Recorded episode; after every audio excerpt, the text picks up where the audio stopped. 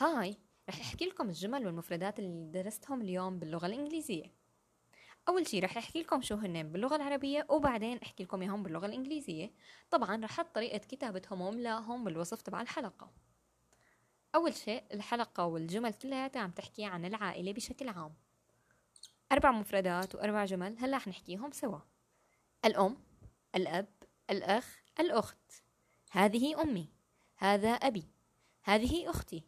هذا أخي يلا نبدأ the mother the father the brother the sister this is my mother this is my father this is my brother this is my sister حنعيدهم كمان مرة the mother the father the sister the brother this is my mother this is my father This is my brother. This is my sister.